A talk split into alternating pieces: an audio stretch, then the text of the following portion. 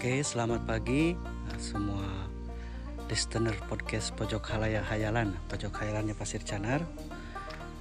Uh, podcast ini dibuat uh, sebagai ya kalau dulu mungkin catatan harian ya, iseng-iseng uh, berbagi cerita keseharian di kebun aktivitasnya Pasir Canar di sini. ya, mengungkap kegiatan-kegiatan Pasir Canar, petani-petani binaan yang tentunya seputaran teh.